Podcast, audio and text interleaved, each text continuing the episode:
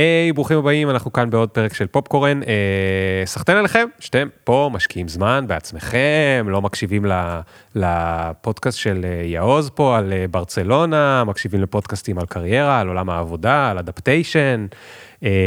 היום אנחנו ננסה להבין מה קורה בדובאי, למה ישראלים מגיעים לשם, ונשמע את זה ישירות מ... ישראלי שהתאהב בדובאי, היום הוא על הקו אה, בין אה, פה לשם, בין רעננה לשם. הוא היה הרבה שנים תחקירן, עורך, מבקר, עבד במעריב, שימש דובר ויועץ תקשורת בעיריית רעננה, אבל היום יש לו משרד פעיל בדובאי, יש לו שם חברה של גיוס כוח אדם טכנולוגי במפרץ הפרסי, וחברה שמבצעת חיבורים בין חברות ישראליות ללקוחות אמירתיים, ככה אומרים את זה? אמירתים. אמירתים, נכון. אמירייטס. אמירייטס.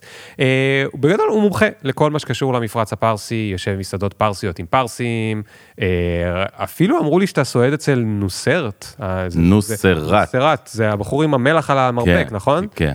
אה, אבל הוא לא טורקי או משהו? הוא טורקי. אז מה הוא עושה שם? הוא כל היום מסתובב שם? יש לו סניפים בכל העולם, אבל אחד מסניפי הדגל שלו בדובאי במלון Four Seasons. הבנתי. טוב. עוד נדבר על זה גם. אז נדבר גם על זה, הוא גם כתב לא מזמן רומן שנקרא דובאי אהובתי. שים לב, דובאי נקודה. דובאי נקודה, אהובתי נקודה. נכון.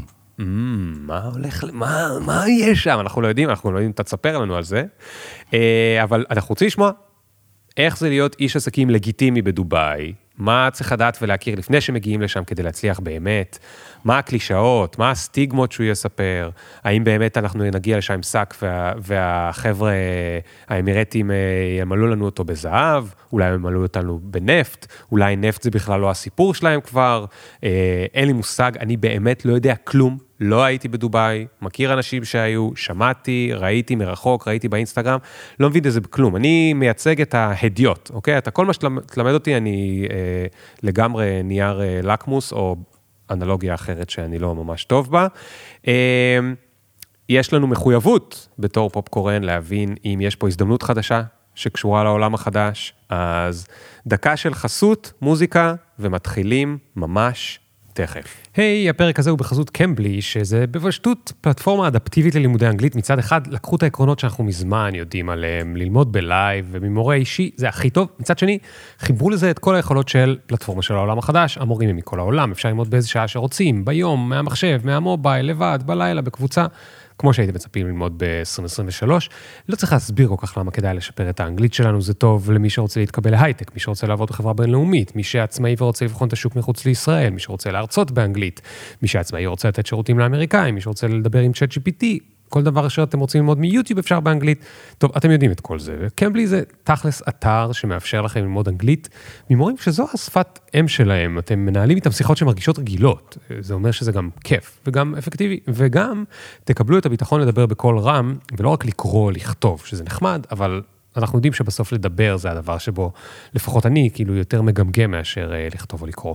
שיחקתי קצת בפלטפורמה שלהם, אה, אה, זה די מגניב, הכל שם די גמיש, כל אחד מקבל מסלול משלו, אפשר לקבוע שיחה של רבע שעה כל יום, או פעמיים בשבוע לשעה, או לעלות על שיחה בצורה ספונטנית באמצע היום.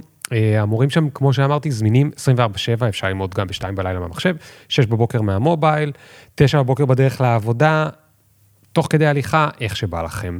אה, לפני כמה חודשים השגתי למאזיני פופקורן 15 דקות ראשונות חינם בפלטפורמה להתנסות, והרבה מכם ניסו, נהנו, נרשמו, יופי. אז הפעם, בגלל שהם פנו אלינו שוב, התחצפנו קצת ואמרנו, תגידו, אפשר עוד איזה משהו? כי אנגלית או לא, אנחנו ישראלים. והצלחנו. אז בנוסף להטבה ההיא שעדיין קיימת, יש הטבה נוספת. 40 אחוז הנחה למשך שנה שלמה. nice, nice, נכון? איך מקבלים את זה? יש לינק שמופיע בתיאור הפרק, כנסו דרכו, תשתמשו בקוד פופקורן 40, תכתבו את זה באנגלית כמובן, זה קל, פופקורן 40, ותהנו. אז קיצר, יש לינק, קחו 15 דקות לנסות, אם אהבתם, 40 אחוז הנחה לשנה שלמה, ותזכרו שפופקורן זה באנגלית אה, פופקורן ובעברית פצפוצי תירס. ועכשיו, מוזיקה ומתחילים. Yeah. Boom, boom, boom, boom. One time, look. Ring the alarm, hot ass nigga. Yeah. Big ass head so my dreams get bigger. Yeah. Big campaign strong so my flows get sicker. Yeah. Confidence bigger than a drunk ass nigga. Look, אז הסיפור המביך שלי, כשהייתי עיתונאי, אני, אני בעצם מעריץ ענק של אלפית יהושע. בעיניי הוא גדול הסופרים, לא רק הישראלים, אלא בכלל. כשהייתי עיתונאי, רציתי הרבה זמן לראיין אותו. בסוף יצא לראיין אותו שלוש פעמים, אבל נדמה לי ב-2005, הייתי עיתונאי צעיר, בן 26, והוצאנו מוסף ברשת זמן מעריב לקראת אחד החגים. של אה, רעיון עם אה, הדמות הנערצת עליי או משהו כזה, ואנשים, זה היה תירוץ טוב אה, לפנות לאלף בית יהושע לבקש לראיין אותו. קודם כל לא ידעתי איך לקרוא לו, אני חייב להגיד, זאת אומרת, זה בן אדם שאתה מתקשר בטלפון, אתה אומר לו א', ב', אה, אברהם, בולי. אה, בסוף הלכתי על מר יהושע, שזה הכי לא ישראלי, אבל לא כל כך ידעתי מה לעשות עם זה. אה, הוא שמח, הוא הזמין אותי לבית שלו דווקא ברמת גן, הוא בדיוק עבר מאחורי צומת עילית, היו מגדלים כאלה. הוא בדיוק השתמש במגדל הזה בשביל לכתוב בסיס לספר שלו, אש ידידותית, שיצא ממש קצת אחרי זה, שחלקו מתרחש במגדל עם אה, מעלית בעייתית. והיה מדהים, הוא ביקש שדווקא נשב על הדשא בחוץ, ושם הצטלמנו ודיברנו, והיה לנו שיחה מרתקת. הבאתי את הספר האהוב עליי שלו, השיבה מהודו, שאני קורא אותו מאז ולפני זה, פעם, לפחות פעם בשנה. באמת? כן, ספר, ספר, סרט מזעזע, אבל ספר באמת, יש בו הרבה, הוא גם, הגיבור הוא ירושלמי, אני ירושלמי במקור, תלמיד התיכון של יד האוניברסיטה, וגם אני, הוא אמנם רופא, אני לא רופא, אבל אה, יש לי איזה חיבור לספר הזה, אני לא יודע, הוא לא נחשב הכי טוב שלו, יש לו ספרים יותר טובים, יש לו ספרים בוודאי יותר חשובים, זה אני גם חושב, אבל הוא ספר, לא יודע, שאני חוזר אליו, הבאתי את הספר, שכחתי לבקש ממנו לחתום על הספר, אה, וזה כבר לא יקרה. אה, והיה לנו שיחה, הייתה שיחה באמת מעניינת, והוא סיפר דברים ונפתח, והוא סיפר שם גם דברים נורא מעניינים, שגם היום אני כסופר, שלא מתקרב לרמתו, אבל עדיין כותב, אני, אני רואה את זה בעצמי, אה, איך זה קורה, הוא סיפר שאנשים מפרשים את הספרים שלו, ובאמת ערימות של פרשנויות שהוא הוא, הוא פשוט לא דמיין. נקרע מצחוק, לדוגמה הוא אומר אה, בספר המאהב, שזה אולי אחד הספרים הכי חשובים שלו, אז יש שם האוטו, אותו אה, אוטו ש, שהם מחפשים כל הזמן, כן. אז הוא, הוא ממודל 47. והוא אומר ש... אה, הוא אומר, כתבו על זה ערים של, של פרשנויות, שזה מדינת ישראל לפני קום המדינה, וזה מייצג את הזה. ויאללה, לשכן שלי היה כזה אוטו, שנת 47. זה, זה פשוט האוטו שהכרתי וידעתי לכתוב עליו, כי אני לא מבין גדול במכוניות. כן. אז זה כל הסיפור, אני גם רואה את זה הרבה, גם אנשים משום מה שאתה כותב ספר והם מקבלים אותו ממך ומכירים אותך, הם חושבים שזה אתה. כן. אז אומרים לך, אתה עשית ככה, אני אומר, זה לא אני, זה, זה הגיבור, אז גם א' ב' יהושע זה לא הוא. כן. עוד פרט קטן שאני אגיד לגבי זה, מה שכן חוזר, מי שקורא הרבה את הספרים של א' ב' יהושע כמוני, שאני באמת אוהב וחוזר אליהם, כן, לכל הגיבורים יש שם איזה שניים, שלושה, ארבעה דברים שחוזרים עליהם. ועל עצמם, ואז באותו רעיון אמרתי לאף יהושע, אמרתי לו, תגיד, נכון שכשהיית ילד, אמא שלך לא הייתה נותנת לך לשחק בשלג, הוא גם גדל בירושלים, אלא מביאה את השלג לאמבטיה, ואתה ואחותך הייתם משחקים באמבטיה? אז הוא אומר לי, וואלה, איך ידעת? אמרתי לו, תשמע, כתבת את זה על שלושה גיבורים שונים. אז אני מניח שזה פשוט חוויית כן, ילדות שלך כן. שהפכת על זה, אמר לי, וואלה, נכון, זה אני מבין מהדברים האלה. בקיצור, לסיפור המביך, הסתיים הרעיון. אה, אני אז היה לי אה, מכשיר mp3 אה, כאלה, אז הם היו חדשים, מכשירי אצבע כאלה. כמו אצבע, אתה פותח אותה, יש USB, מכשירים, סינים או וואטאבר. הקלטתי את זה, הפסקתי ללכת עם הטייפים שהיינו הולכים איתם, אני חוזר למערכת, אין רעיון, אין א' ב' יהושע, אין שום דבר. שעה ישבנו, אני יודע, משהו כזה, אין, לא יודע מה אני עושה. שנייה אמרתי לעצמי, אוקיי, רגע, תנשום, לפני שנייה היית ברעיון, אתה צעיר, 26, כבר לא, זה, הזיכרון שלך בסדר. בוא, תעשה זה, שב, תכתוב את הרעיון, פחות או יותר, נסה לקלוע אחד לאחד. ישבתי, קודם כל זרקתי על הדף מלא מלא דברים שהוא אמר משמעותיים. אה, הוא דיבר על איזושהי ספרייה שהוא ישב בה בקיימברידג' ולא זכרתי את שמה, אז התחלתי לחפש אותה בגוגל בטירוף, אז מצאתי גם את זה. אה, ישבתי, כתבתי את הרעיון, אה, הוא התקשר אחרי זה להודות על הרעיון, הוא לא גילה שום בעיה עם ה... ושום תלונה, הוא גם כנראה שזה לא היה הרעיון החשוב של חייו. ואגב, אה, ה-MP3 הזה, הייתי מגבה אותו מדי פעם. יום אחד, אחרי שנים, עברתי על הגיבויים, פתאום מצאתי את הרעיון עם א' ב' יהושע. היה שם את הפייל, אבל לא מצאת אותו. היה, היה שם את הפייל, הוא לא היה, ב... אז, אז חרשתי את ה-MP3, הוא לא היה. איכשהו כן היה, איזה קטעים. לא יודע מה, לא יודע מי. מכבד טוב. אז הרעיון עוד קיים, אגב, אין לי אותו היום, לא יודע איפה הוא, אבל אה, זהו, אחרי זה עוד ראיינתי את א' ב' יהושע ברדיו, ובעוד כמה מקרים. אה, והוא איש מדהים, עם חוש הומור, הוא איש נחמד, הוא איש תגיד, מעניין, היה אתה, כיף. אתה רגע סיפרת איך אה, כשאנחנו קוראים ספר של מישהו, ואנחנו אולי מכירים אותו, או אפילו אם לא מכירים אותו, אבל יש לנו, אנחנו משלימים פערים של מידע עם הראש שלנו. מה שלא, מה שכאילו רק, הרי בכלל באומנות, אנחנו מקבלים רמז למשהו, והמוח שלנו יודע לכל רמז לקחת ולהמציא סיפור שלם, בין אם הוא מבוסס, בין אם הוא לא מבוסס, כי ככה אנחנו בני אדם. מה, ה... מה גילית, הפער מידע שישראלים מדמיינים שקורה בדובאי, שהם מש... משלימים שם את הפער מידע, אבל אתה גילית שהוא ממש רק בראש שלהם. וואו, וואו, טוב, קודם כל, אה, אני מניח שהיום ישראלים כבר מכירים יותר, כי אנחנו כבר שנתיים וחצי לתוך הסכמי אברהם. אני הגעתי לדובאי אה, במטוס השלישי שיצא מישראל, אה, אחרי חתימת הסכמי אברהם, החתימה הייתה בקיץ 2020, בשיא הקורונה. בדצמבר 2020 נפתחו הקווים, ואני הייתי המטוס השלישי שיצא ביום שישי, חמישי למה? בדצמבר. מה בער לך להגיע לשם? אה, קודם כל דובאי תמיד הייתה חלום עבורי כי היא הציתה לי את הדמיון כי אני, אני קודם כל אני בן אדם די אורבני צריך להגיד את האמת אני, אני אוהב נופים אני אוהב זה אבל אני, אני לא אדם של טרקים או כאלה דברים בגלל זה גם לא מניח שתקראו על זה בספרים שלי יותר מדי ואני לא מומחה לתחום אם אתם מחפשים אוהל גזייה אז אל תפנו אליי אין לי מושג. אה, אז קודם כל דובאי לאנשים שאוהבים אה, אורב, אורב, אורבניות ובאמת מקום מדהים.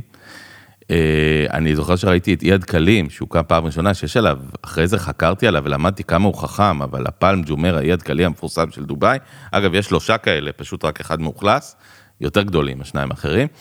אה, אז אה, זה פשוט, חשבתי שזה פוטושופ, זאת אומרת, לא האמנתי שמדינה יכולה לבנות אי בתוך הים, עד היום אני לא מאמין לזה. זה, זה, זה לא הגיוני, זה, זה אי, רק חשוב להבין שאתה בצד השני של האי, במלון הרחוק ביותר, באטלנטיס, שאחרי זה גם זכיתי להתארח בו, אתה, אתה שישה קילומטר בתוך הים. שישה קילומטר בתוך הים זה המון, אף אחד כן, מאיתנו לא כן. יוצא לשישה קילומטר בתוך הים, אלא אם יוצא לקרוז או כן. לאיזה שייט, זה, זה, זה, זה המון, אפילו יאכטות, לרוב אין להם סיבה למה הם להתרחק עשו כל את זה כך כל כך מהים. רחוק? אה, למה עשו את זה כל כך גדול? לא, כל כך רחוק, שישה הוא קילומטר. לא רחוק, הוא מתחיל, אה, הוא מתחיל מהחוף, נכון, הוא מתחיל נכון. מהחוף, הוא מגיע, הגזע של העץ, והוא בעצם מוקף בעיגול, והעיגול מוקף בשובר גלים, זה, זה, זה גאונות, אה, זה, זה ביצוע מדהים, זה גאונות תכנונית, אפשר לדבר על זה הרבה. בכל מקרה, זה הצית הדמיוני, אה, בגלל שהייתי, אה, גם הייתי דובר משרד הביטחון, ראש יחידת תקשורת במשרד הביטחון, גם הייתי אה, אה, מנהל אגף תקשורת בעיריית רעננה, והייתי עיתונאי הרבה שנים, והייתי מנכ"ל איזה חברת אה, מדטק לפני איזה זמן קצר. היו לי הרבה קשרים, גיליתי שאם יש משהו שיש לי בעולם, אני אוהב אנשים, אני אוהב מילים, אני אוהב לדבר, יש לי הרבה קשרים. אה, והקשרים האלה הובילו אותי לדובאי, בעצם הציעו לי לנסוע, קום טיסה, יחד עם השותפה שלי לעסקים, אה, מאיה אשכנזי, שהיא באמת סוג של מתנה, כי היא גילתה לי את עולם העסקים, היא הגיעה מעולם ההייטק לעומתי, ואמרו לי, קום טיסה, יש כמה, כמה אנשים שאפשר אה, למצוא, כמה קונקשנים, סע. ומה, אבל ציפו ממך משהו שתחזור ותכתוב על זה? לא, לא, לא, לא, ציפור, זה מדובר על עסקים בלבד, אה, אף אחד לא אוקיי. שלח אותי בשביל אוקיי. לכתוב, אף לא אחד בתור לא שולח אה, אותי בשביל לכתוב. עיתונאי. אוקיי, אפילו, לא, אני לא עיתונאי כבר מ-2010. אוקיי. אפילו אני משדר את הפודקאסט של אוהדי ברצלונה, הייתה לי תוכנית רדיו, אבל אני, אני לא עיתונאי מ-2010. אפילו ה- המותחן הראשון שלי עוד לא התפרסם בשלב הזה, בית משותף, אה, המותחן רעננה, הוא רק התפרסם, אני חושב, שנה אחרי זה בערך. אה, ופשוט אמרו לי, סע, וזה היה כל כך, כל כך מדהים, הרעיון שתיסע לדובאי, זה, זה, זה היה לא נתפס, אה, המטוס קיבל אישור לעבור מעל סעודיה לפני ההמראה. זמן קצר לפני ההמראה, אה, מי שהיה ראש ממשלה אז, ולצערי גם היום, ביבי נסע ליורש העצר בסעודיה, המכונה MBS, מוחמד בן סלמן, האיש החזק היום בסעודיה למעשה, והוא פרסם את הנסיעה הזאת לצרכים שלו, ומוחמד בן סלמן אה, כעס ובצדק, והוא בעצם ביטל את האישור הגורף לטיסות ישראליות לעבור מעל סעודיה, והודיע שהוא יאשר לפי טיסה. אחת אחת. בשלב הזה זה גם היה אפשרי, כי הייתה יוצאת טיסה אחת ביום. כן. אה, הגענו לשדה התעופה סגור ומסוגר, כל מה שאנחנו מכירים, העיגול של הדיוטי פרי, הכל היה סגור. עמדה הגלח הקטנה של אילנס ושני שולחנות מסביבה. אה, טיסת ישראייר שיצאה ביום שישי בצהריים משדה תעופה מרוקן ועצוב. אה, דיילים עם, אה, ודיילות עם תלבושות של אה, צ'רנוביל כאלה. כי זה היה שיא הקורונה? זה היה, זה כבר לא היה שיא, אבל זה היה השיא השני, כאילו, ואחרי זה עוד היה עוד סגר בישראל. וישראל בלאו הכי עוד הייתה סגורה מאוד, והגענו לדובאי, וירדנו מהמטוס, ודובאי דיסני וורלד. פתוחה, נעימה. היום אני יודע שהיא הייתה ריקה יותר ממה שהיא היום, כלומר עדיין תיירים הרבה פחות הגיעו. האמירתים הם פריקים יותר מהשוויצרים של חוק וסדר, אז כשאני אומר פתוחה, כולם עם מסכות, כולם שומרים תור, צילמתי, זוכרים שהיה את העיגולים הקטנים האלה על הרצפה של איך לעמוד בתור, כן. בישראל אף אחד לא עמד בהם. מה שצילמתי תמונה באחד הקניונים בדובאי, איך אה, עומדים בתור לאיזה חברת סלולר, וכל אחד עומד בעיגול שלו, מתקדם אחד, אתה מתקדם עיגול. זה די הדהים אותי, מסודרת, אה, בהרבה מאוד חנויות היית נכנס, אה, קודם כל לך תשים sanitizer, כאילו אלכוג'ל, מה שאנחנו קוראים, אה, הם נותנים לך לשים. מאוד מאוד מאוד מסודרים, מאוד קשוחים, אבל פתוחה, פתוחה לגמרי, הכל פתוח, יושבים, אוכלים, מסעדות, אתרי תיירות.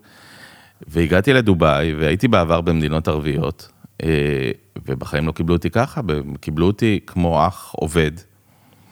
אנשים התגאו שהם יושבים עם ישראלי. אנשים, אה, לא, לא, אני שאלתי, אני יכול לעלות ל- איך אתה לפייסבוק? מסביר את זה? איך אתה מסביר את זה? למה הם התגאו? אז אחרי זה למדתי? לעומק. האמירתים בעצם, הסיפור הוא כזה, האמירתים אה, לא היו בקשר איתנו בגלל סכסוך שלנו יש, במרכאות, עם, עם אח של האמירתים, או עם חבר שלהם, שזה הפלסטיני. לאמירתים עצמם, דובאי, אבו דאבי, שבע הנסיכויות שם ובכלל, בחריין, אומן, אין להם שום סכסוך איתנו, אין להם שום דבר איתנו, לא נלחמנו, לא אה, הקזנו דם, לא שפכנו דם, לא אחד של השני, לא ירינו טילים, לא שום דבר.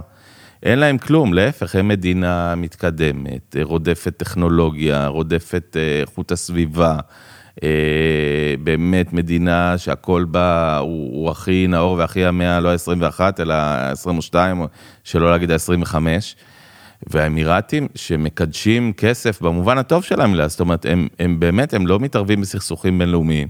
אגב, הם גם לא מתערבים עכשיו ברוסיה-אוקראינה, ולכן הכסף הרו- הרוסי זורם לדובאי. אפשר להגיד שזה נכון, שזה לא נכון, שזה מוסרי, לא מוסרי, אבל עובדתית, הם מרוויחים אה, די הרבה מהסכסוך הזה, מהמלחמה הזאת. האמירתים אה, פשוט חיכו לקשרים עם הישראלים.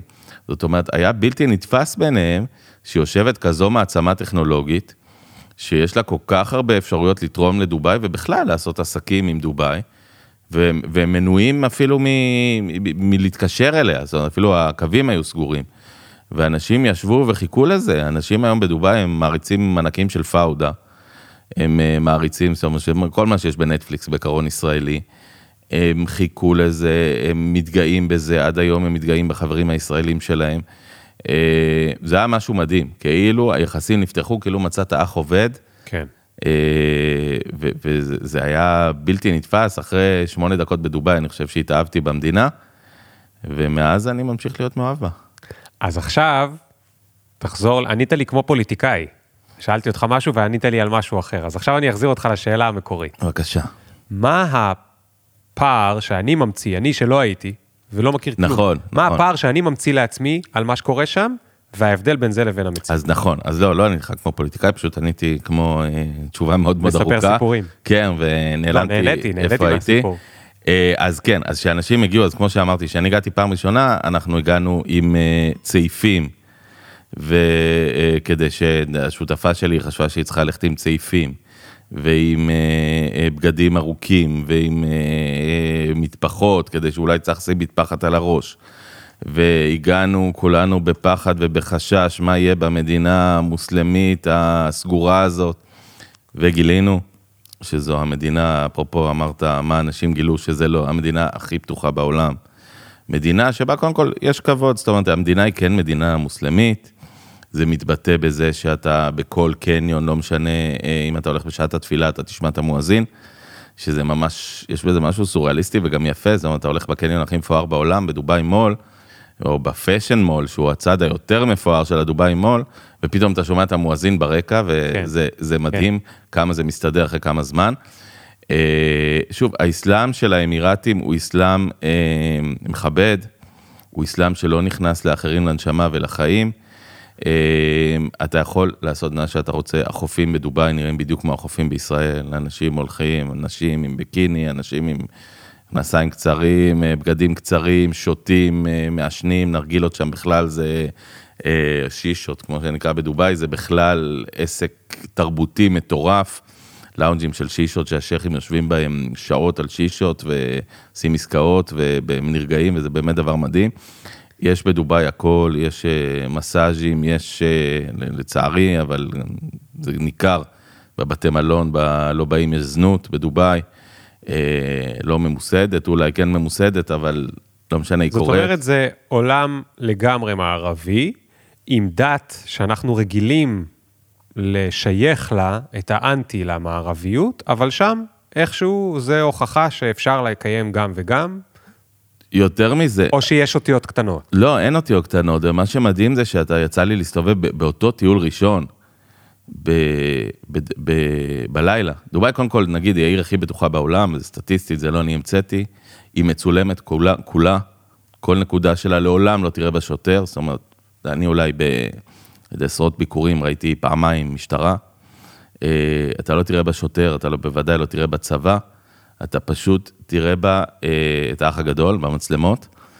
וזה הגיע לרמה ששוב, בפעם הראשונה אני שכחתי באיזושהי מונית שלקחה אותי מהמלון לאיזושהי פגישה, שכחתי אוזניות אלחוטיות, פשוט הטענתי אותן במונית ושכחתי לקחת, אחרי איזה שלוש שעות גיליתי את זה, ולא ידעתי מה לעשות, וגם לא התקשרתי לקונסיארש במלון, אמרתי לו, תשמע, יצאתי מאיזה מונית, אני לא יודע מה, לא יודע שום דבר, יצאתי מהמלון בתשע בבוקר, אני, אין לי מושג, כלום, אני יודע שהנהג היה פקיסטני, היום למדתי שזה בדיחה, כי 99% מהנהגים בדובאי הם פקיסטנים. גדול. אה, אני לא יודע כלום. אה, אמר לי, אל תדאג, הכל יהיה בסדר. חזרתי למלון כעבור שעתיים, מאוד סבב פגישות, חיכתה לי מעטפה, היה כתוב עליה מיסטר סבר, ובפנים היו האוזניות. אה, אחרי זה למדתי שהבדיחה בדובאי היא שאם... רגע, שילמת למונית עם אפליקציה? או עם מזומן? עם מזומן. אז איך הם... איך הם? הם פשוט ראו, אני עליתי על המונית מהלובי של המלון. פשוט 아, פתחו את המצלמות, מצאו את המספר. גדול. אני מניח. גדול. עכשיו... לא שאלת איך? לא. אני הייתי מת לדעת מה... ברור שהכל מצולם. כן. עכשיו, הבדיחה בדובאי, שאם אתה שוכח טלפון על הרצפה, בדובאי, אה, אתה יכול לבוא אחרי שבוע, והדבר הכי שתצטרך לעשות זה להטעין את הבטריה, כי היא תיגמר. אה, וגם שמעתי אנשים שגם זה קרה להם. סיפר לי, שוב, זה יותר, אני נורא אוהב לדבר עם אנשים, גם עם האנשים הפשוטים, זה, זה שמנקה את השירותים, שזה בדובאי זה מקצוע, בכל שירותים יש בן אדם שחי בשירותים, מנקה את השירותים, חי, כמובן לא ישן שם, אבל הוא כן. כל היום שם. כן. אמ, אז דיברתי עם אה, מלצר באחד מהחופים הפרטיים שהייתי בהם, חוף מדהים שאני ממליץ עליו, זעביל סראי הוא נקרא, שייך לרשת המלונות של השייח, שבורג' אל-ערב הוא אחד מהם. אה, ואמרתי לו, מה, איך אתם שומרים פה? הוא אמר, תשמע, אני, אין פה אנשים ואין פה שום דבר. אם אני מפשל, אני על המטוס הראשון חזרה ל... הוא היה נפאלי. או אני על המטוס הראשון חזרה לנפאל. אמרתי, שמע, לפני שבוע מצאתי פה עוד, אה, מישהו מהאורחים, יש מיטות כאלה גדולות בחוף, שממש כפולות, מדהימות, יותר מכפולות, כמו קבנות כאלה. אה, מישהו שכח שם דירם, דירם זה שקל בערך. והלכתי לקצין הביטחון של המלון, אמרתי לו, אני מבקש שתחזור איתי, תצלם את הדירם הזה, עכשיו תיקח אותו אתה ותעשה איתו מה שאתה רוצה. וואו. אה, אז אפשר לחשוב שזה מפחיד, אבל מצד שני, זה אנשים שמרוויחים בדובאי פי שלוש, פי ארבע, פי חמש. כן. אה, ממה שהם מרוויחים במדינות שלהם, ושוב, זה נבדק לעומק הדברים האלה. אה, התנאים שם אנושיים, כלומר, האמירתים נותנים להם ביטוחי בריאות וחיסונים, כולם היו מחוסנים, שם נושא החיסונים ותנאים סוציאליים וטיסות הלוך חזור, זאת אומרת, זה ממש בחוק שם. אז החבר'ה האלה טוב להם, טוב להם באמת לבוא, שוב, ואפשר לחשוב שאני, שוב, אני לא מייפה את העולם, ובוודאי שזה עולם שלישי שעובד בעולם ראשון, כן. אבל החבר'ה האלה, הם, הם מגיעים מרצונם, הם עושים המון כסף, הם פותחים, אחרי זה הם חוזרים אה, למדינות עולם שלישי שלהם ופותחים אה, באמת עסקים כן. מדהימים ומשגשגים. הם מחזיקים שם משפחות שלמות, אומר משפחות שלמות זה לא אה, אישה למה, אז וילדים. למה הם לא כולם נוסעים לשם? למה הם מגיעים עד אה, גרמניה ו... קודם כל, הם רבים, ו- רבים נוסעים לשם, זאת אומרת, יש כן. ביקוש אדיר. בדובאי יש אה, ארבעה וחצי מיליון אה, אנשים, מתוכם 400 אלף תושבים, אזרחים, סליחה, וארבעה מיליון. תושבים. שהתושבים, שוב, זה לא רק אה, חוטבי אה, עצים ושואבי מים, מדובר במנהלי הכלכלה, במנהלי המלונות, מנהלי הקניונים, מנהלי החברות. ככלל, האמירתים לא עובדים, זאת אומרת, הם יכולים לעבוד בעבודות שונות, בעיקר אם זה ממשלתיות, אבל אתה, האמירתי לא עובד בעבודה פשוטה. ברוב המקרים הוא בעלים של חברה, הוא מנכ"ל של חברה, הוא בעלים של נדל"ן, הוא בעלים של אזור. הוא לא, אה, הוא לא עובד, אה, הוא לא ינהג במונית, והוא הוא גם לא יהיה מנהל מלון אפילו.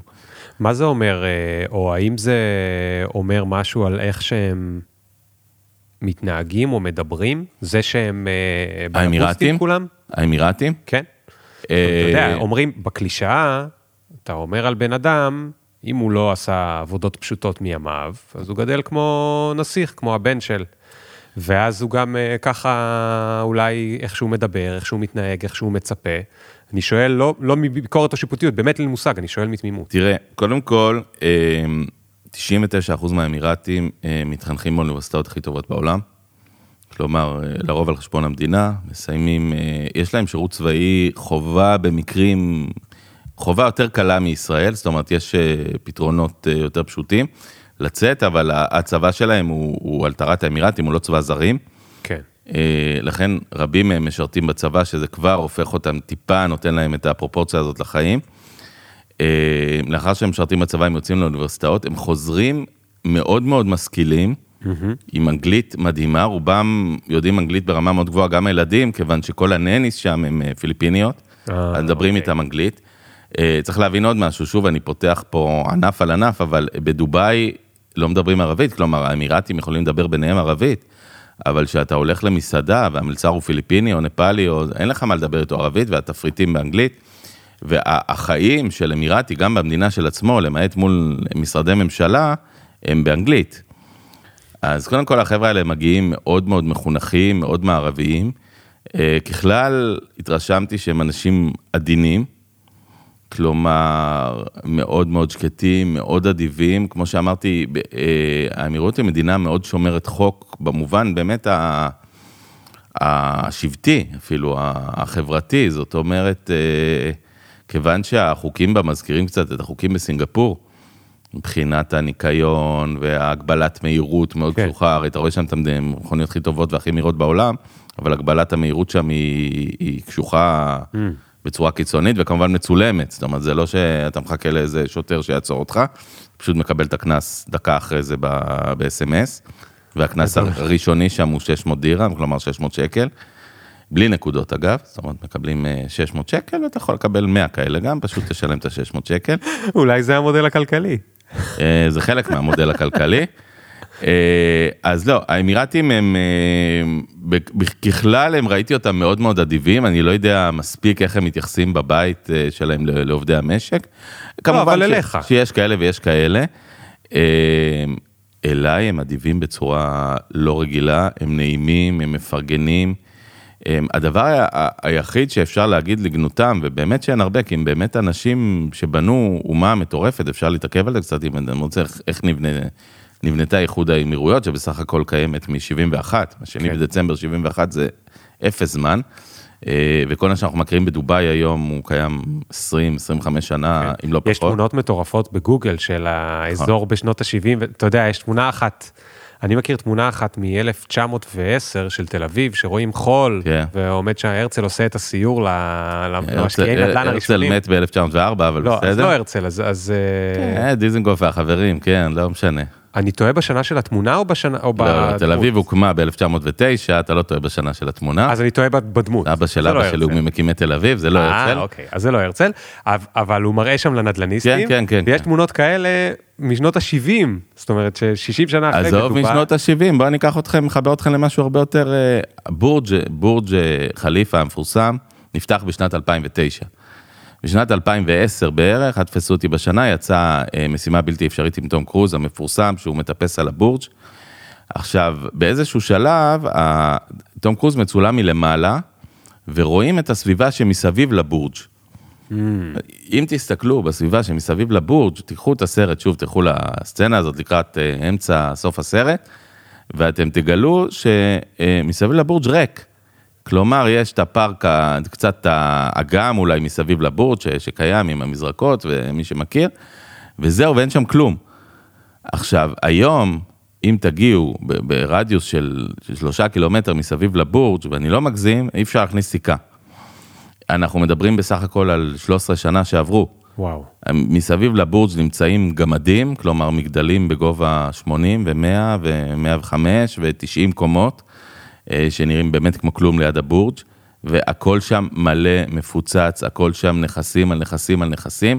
נדל"ן זה מה שמניע את דובאי באופן תגיד, כללי. מי גר שם בכל המגדלים? כי הרי האמירתים, אמרת 400 אלף, האמירתים לא גרים במגדלים.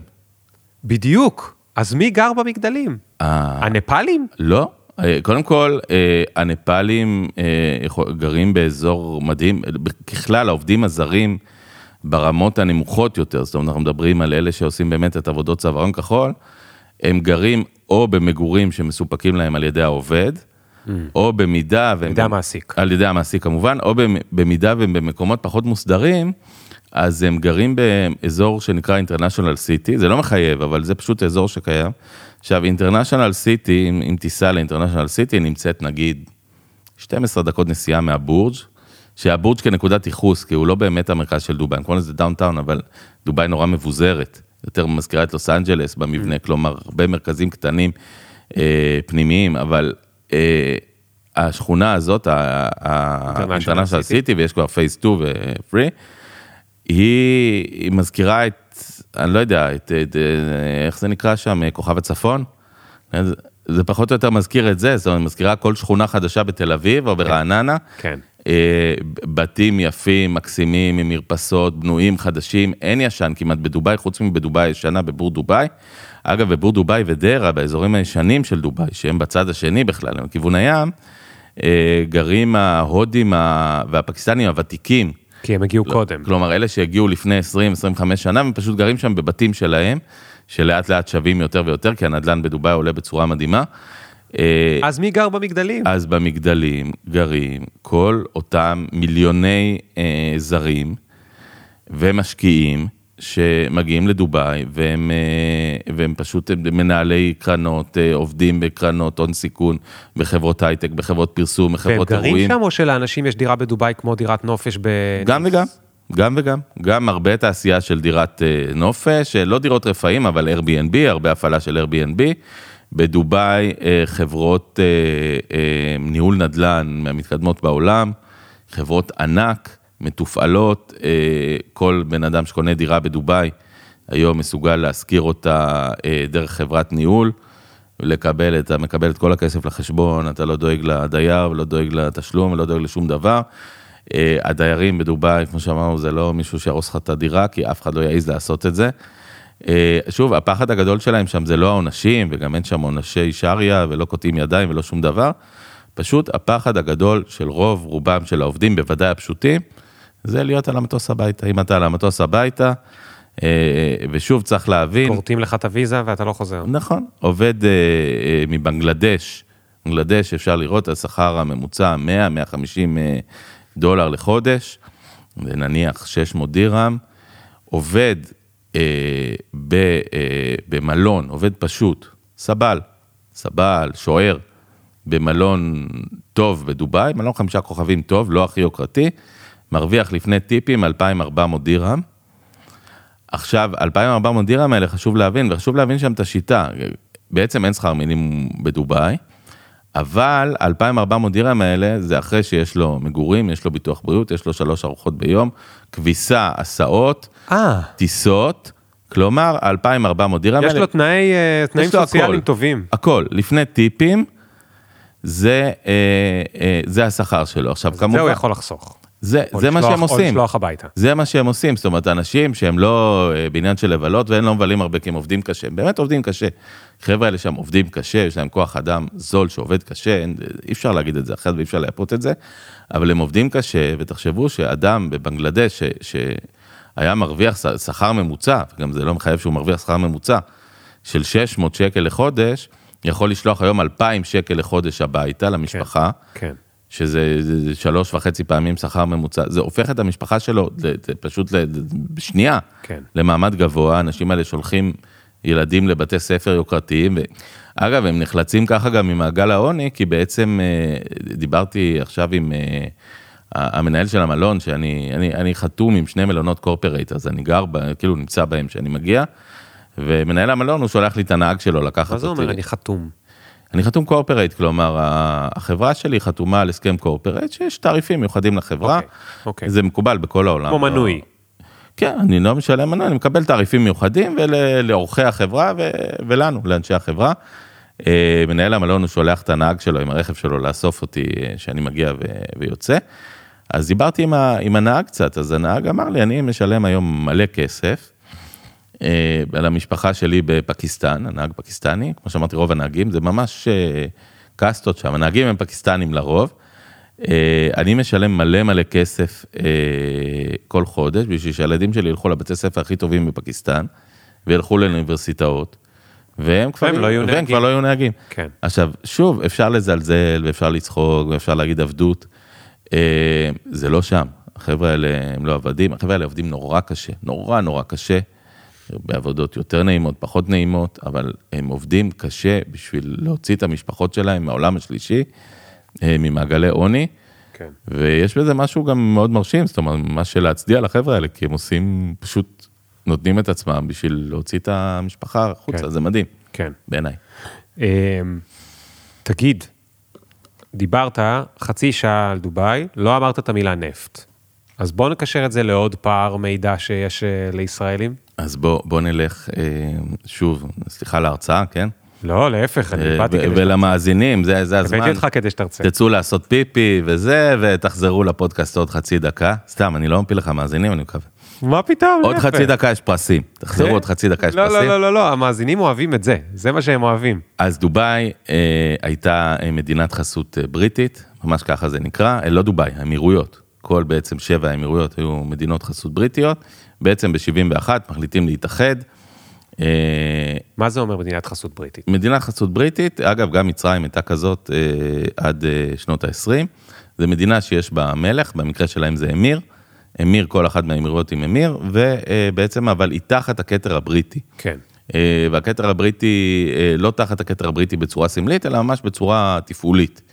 לא כמו ישראל, לא מנדט, כמו שהיינו, אבל, אבל לא גם... הייתה חלק מהאימפריה. משהו באמצע, היא לא בדיוק חלק, כי אין לה דגל, זה לא דגל בריטניה שם, אבל יש חלק, יש שליטה והכוונה בריטית. כן. מדינת חסות, ככה זה נקרא, זה ממש שם רשמי. וב-71 מחליטים בעצם לצאת מכל העניין הזה, לקבל עצמאות מלאה, ויושבים השייחים של כל אחת מהאמירויות, אה, שהשתיים הגדולות כמובן זה אבו דאבי ודובאי. אבו דאבי זה משפחת אל נעיין, דובאי זה משפחת אל מכתום, ושני השייחים שיושבים זה השייח ראשד בן סעיד, שהוא השייח הדובאי, והשייח, אה, אה, ושייח זייד. שייח זייד, שזה השם הכי גדול שמכירים אה, בדובאי. אז השייח זייד, ששכחתי בין מי הוא, אולי אני אזכר גם, אה, השייח זייד הוא נקרא אל-בבא ב- באמירויות, עד היום אתה רואה תמונות שלו ברחוב ותמונות שלו בכל בתי המלון, יחד עם שני השליטים אה, של אבו דאבי ודובאי. למה? כי הוא כאילו ההרצל שלהם? הוא ההרצל של, הוא ההרצל והבן גוריון ביחד. אה, כי הוא גם הוציא אותם והוא גם הספיק להיות הראש ממשלה. הוא, הוא אה, נשיא, בעצם, נשיא. בעצם השליט של דובאי, של אה, אבו דאבי, הוא נשיא של האמירויות, כאשר הסגן שלו זה השליט של, של דובאי. כן. הם סוברנים לחלוטין בתוך המדינה של, בתוך האמירות שלהם לעשות מה שהם רוצים. יש להם משטרה שלהם, יש להם כוחות שלהם, עושים מה שבא להם. אה, חוקים שונים לפעמים בשתי אמירויות שונות. למשל, אה, בסרג'ה, השכנה לדובאי, שהיא ממש על דובאי, כמו כפר סבא רעננה כזה. כן. יש בה שייח שאיבד את אה, שני ילדיו, אה, שני ילדיו אה, נפטרו. אה, הטענות בגלל סמים, לא, לא ניכנס לזה רשמית בגלל התקפי לב. והוא נהיה דתי יותר בעקבות זה, והוא למשל ממש אוסר גם שתייה וגם למשל שישה, גם עישון, כי עישון לא חוקי לפי האסלאם היותר אה, קיצוני. כן. אז הוא אוסר את זה במדינה שלו, באמירות שלו, שני מטר משם, בדובאי, אתה יכול לעשות מה שאתה רוצה. כן. אז אה, בקיצור, אותו שייח' זייד, אה, יחד עם, עם שייח' ראשד, הם מקימים את מה שאנחנו קוראים היום, הם כן מקימים את זה על בסיס נפט. הרבה נפט. שרוב הנפט הוא דווקא לא בדובאי, הוא באמירויות אחרות. ב-2006 נגמרת החבית האחרונה בדובאי. וואלה. עכשיו, הטיפה האחרונה, ככה טוענים, בכל מקרה, דובאי לא חיה על נפט, אבל אותו שייח', למה הגענו לאותו שייח' אה, ראשד, ה- שהיום שולט בנו, מוחמד בן ראשד, שהוא איש חזון עוד יותר גדול ממנו. אה, ראשד הזה אומר את המשפט הידוע, הוא אומר, אה, סבא שלי נסע ברכב על גמל, אני נוסע בלנדרובר, הנכד שלי ייסע במרצדס, והנכד שלו ייסע שוב על גמל. הנה, הוא ירכב על גמל, ירכוב על גמל. עכשיו, למה הוא אומר את זה? אני? חושב שצריך להגיד לרכוב, לרכוב על גמל. אז למה הוא אומר את זה? הבת שלי אתמול אה, תיקנה אותי, יש ספר על אה, איזה חמור, ואמרתי לה לרכב, כי אתה יודע, אתה קורא מהר, היא אמ- אמרה לי לרכוב. נכון, לרכוב. אני לא יודע, נכון. כי כנראה מישהו שקרא לה, קרא באמת עם הניקוד, והיה רשום לרכוב, לרכוב על אופניים, כן, כן, מסתבר, זה לא מסתדר אבל כך טוב, אבל לא משנה. בקיצור, אותו שייח' אה, אה, ראשד, שהיה אה, איש מאוד מאוד חכם, ובאמת אה, איש שורשי, מקומי, נראה נצר לשבטי, שבטי נודדים, שבטים של בדואים, שהם היו שודדי סירות גם מאה שנה לפני זה, שודדי אוניות, סוג של פיראטים, אבל מהחוף, ושולי פנינים, דייגים. אה, הוא מבין, מה שהיום אגב מוחמד בן סלמן מבין בסעודיה ומיישם, הוא מבין שבאיזשהו שלב הנפט ייגמר. Mm. והוא אומר להם, אם אנחנו נחיה על הנפט, זאת אומרת, המרצדס ואז גמל, כי הנפט מתישהו ייגמר, ואנחנו לא יהיה לנו בדיוק, שום דבר. בדיוק. אוקיי. הוא, הוא מבין את זה, צריך להבין שהוא מבין את זה בשנת 71, לפני 52 שנה, הוא מבין את זה ש, שבארצות הברית אה, מכונית ממוצעת היא באורך של 8 מטר, עושה, אה, אני יודע, קילומטר, ל, אה, אה, ליטר לשלושה. קילומטר, או תחנות דלק, באמת דלק חצי בחינם בארצות הברית.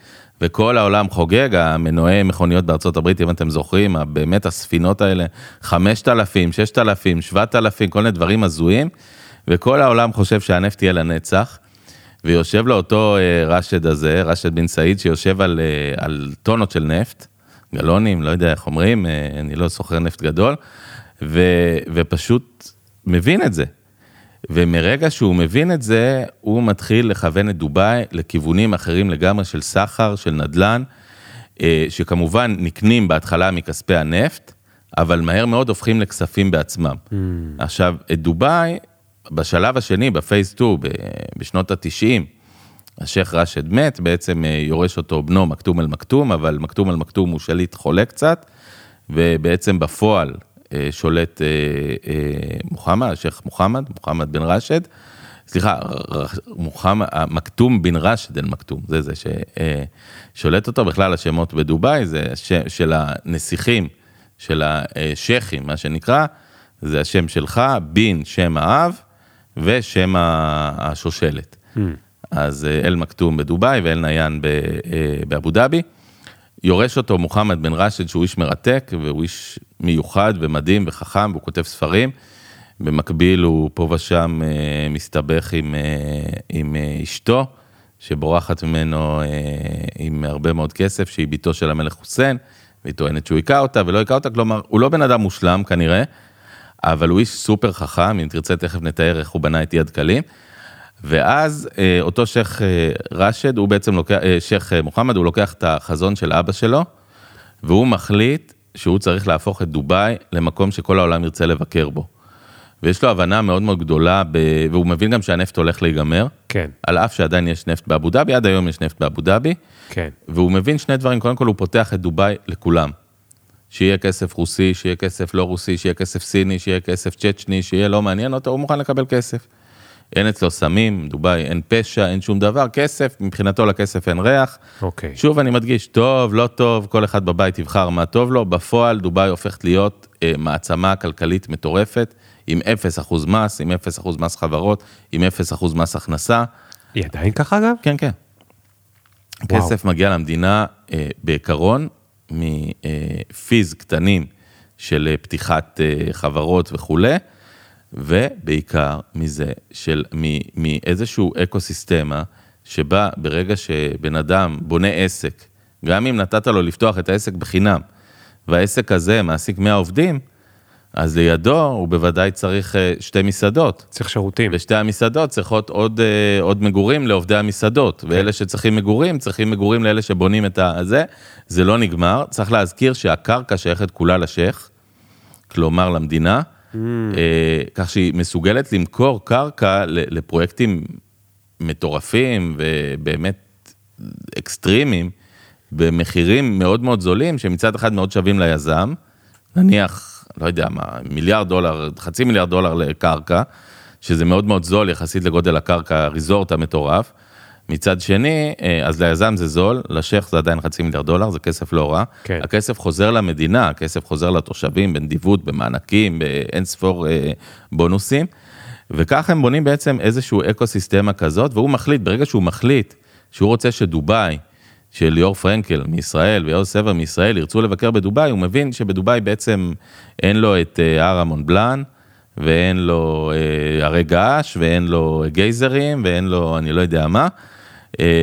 הדבר, ואין לו אגמים, אה, כמו בשוויץ או בקנדה. נשמע כמו ישראל. באיזשהו מקום. כן, אז לישראל, אז עוד, יש לו? לישראל אפילו יש קצת תיירות, אה, נגיד, אה, של דת. כן, כלומר, מגיעים נכון, נכון. צליינים, מגיעים, אה, המדינה מקודשת להרבה אנשים, בדובאי הוא אומר, הוא מבין, אין לי את זה. ואז הוא מבין שאם הוא לא יהפוך את דובאי, חוץ מבירת עסקים, נוסח הונג קונג, הוא לא יהפוך אותה ללס וגאס. לס וגאס ב, ב, בעצם בכמה שהיא תמשוך, עוד אף אחד לא ירצה לבוא לדובאי. ואז ממש ברצף אדיר, ואנחנו הולכים רק על הדברים הגדולים, ב-99 נבנה בורג' אל-ערב, המלון שבעה כוכבים הראשון בעולם, שוב, מתוך מגמה שזה יהיה מלון שבעה כוכבים. זה לא יהיה מלון שיתחרה בקמפינסקי ברלין, ולא מלון שיתחרה בשנגרילה או לא יודע מה, או ב... מה אה, זה שבעה? מה- על מה אתה מקבל את השישי לא והשביעי? יודע, לא יודע, אבל זה המלון שנחשב השבעה כוכבים היחיד בעולם, ונבנה בורג' אל-ערב בצורה מדהימה של בהם באמצע הים הפרסי, שאגב יש שקוראים לו הים הערבי, כי הם לא מסכימים שזה שייך לפרס, כי הם משני הצדדים. אה, אז קודם כל נבנה הדבר הזה, ואז ב-2005 נפתחים האיי הדקלים, ועל איי הדקלים, ניגע בהם, אם איך תכננו אותם, נפתחים עשרות מלונות יוקרה מדהימים שבמרכזם האטלנטיס, והיום האטלנטיס דה רויאל, שכל ה, העולם ראה איך פתחו אותו עם ביונסה וכולי, ממש לפני חודשיים שלושה, נדמה לי במרץ, ואז הוא פותח את, ה, את הפריים, את המסגרת המדהימה שמקיפה, שרואים דרכה את דובאי, ואולי אתה פחות מכיר אותה. ב-2009 נפתח הבורג' חליפה, שנקרא בעבר בורג' דובאי.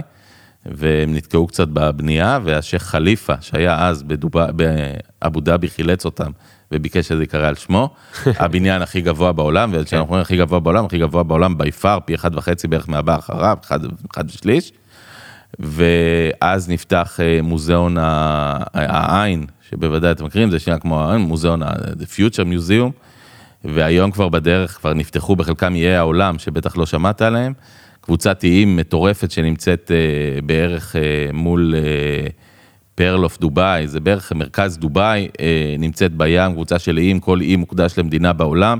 וואו. ואם הוא מוקדש, אה, האי שנקרא Côte d'Azur, נראה כמו Côte d'Azur בצרפת, ויש אי שנראה כמו אה, אמלפי. כאילו לקחת את ה- את הקונספט של דיסנילנד, אבל כאילו קצת פי עשר. לאקסטרים מוגזם. מטורף, והוא הולכים לפתוח עוד ועוד ועוד ועוד, כי הוא, הוא מבין שהעולם הוא טיק טוקי, העולם הוא אינסטגרמי, העולם stories, העולם יש לו זמן ריכוז של 15 שניות, מה שאנחנו לא מוכיחים בפודקאסט הזה, אבל רוב העולם והילדים שלי והילדים שלך יש להם בערך אה, אה, סף ריכוז של 15 שניות.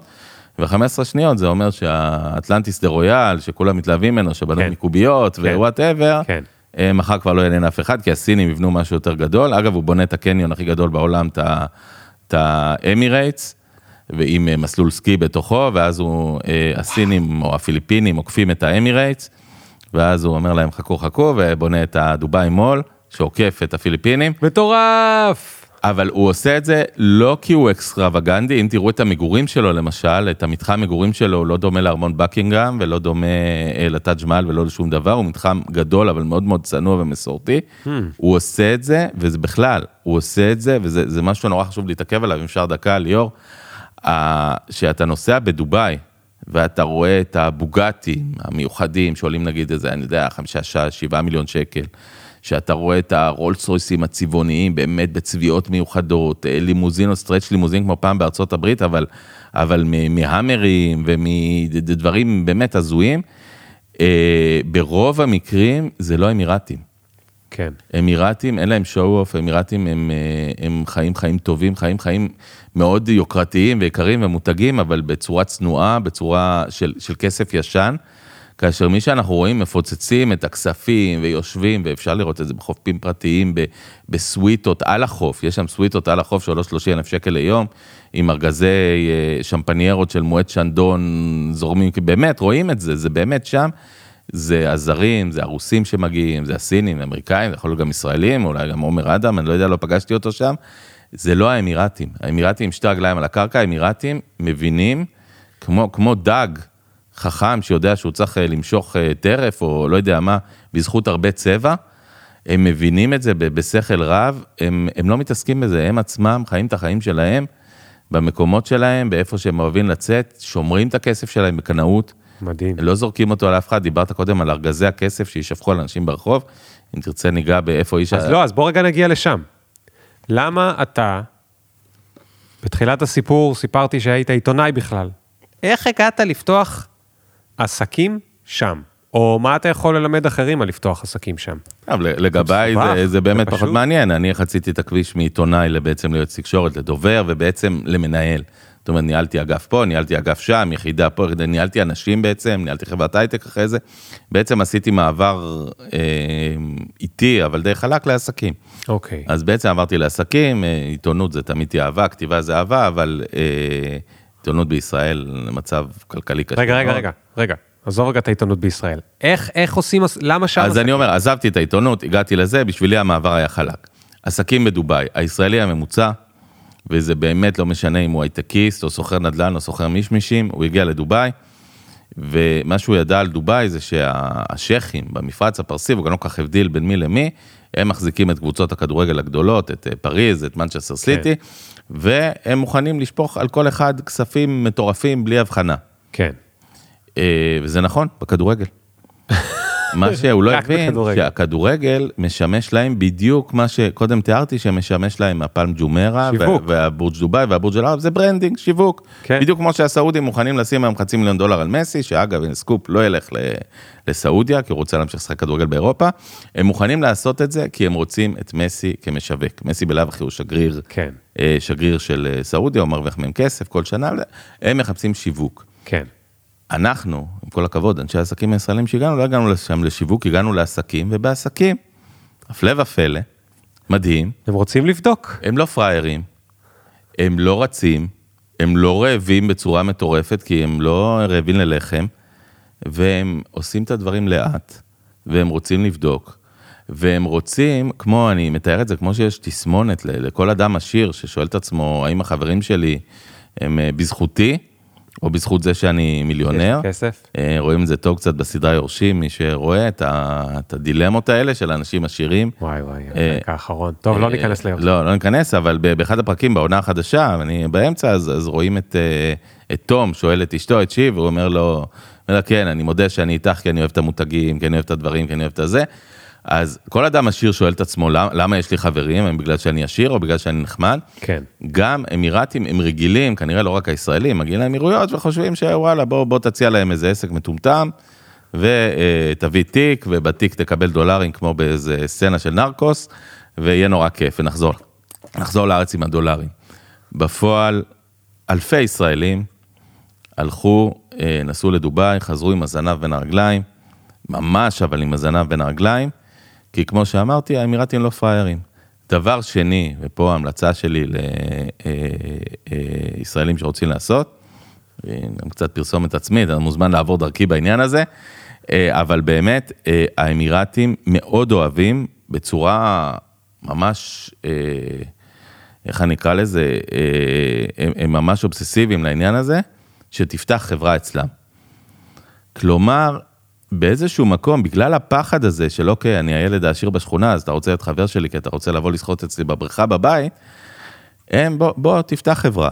בוא תראה שאתה רציני. תראה שאתה רציני, תראה שאתה רוצה לעבוד אצלי, תראה שיש לך משרדים אצלי, תראה שאתה גר אצלי, כי אם אתה רוצה לבוא עם התיק ושנשים לך את הדולרים ותלך, אני לא רוצה.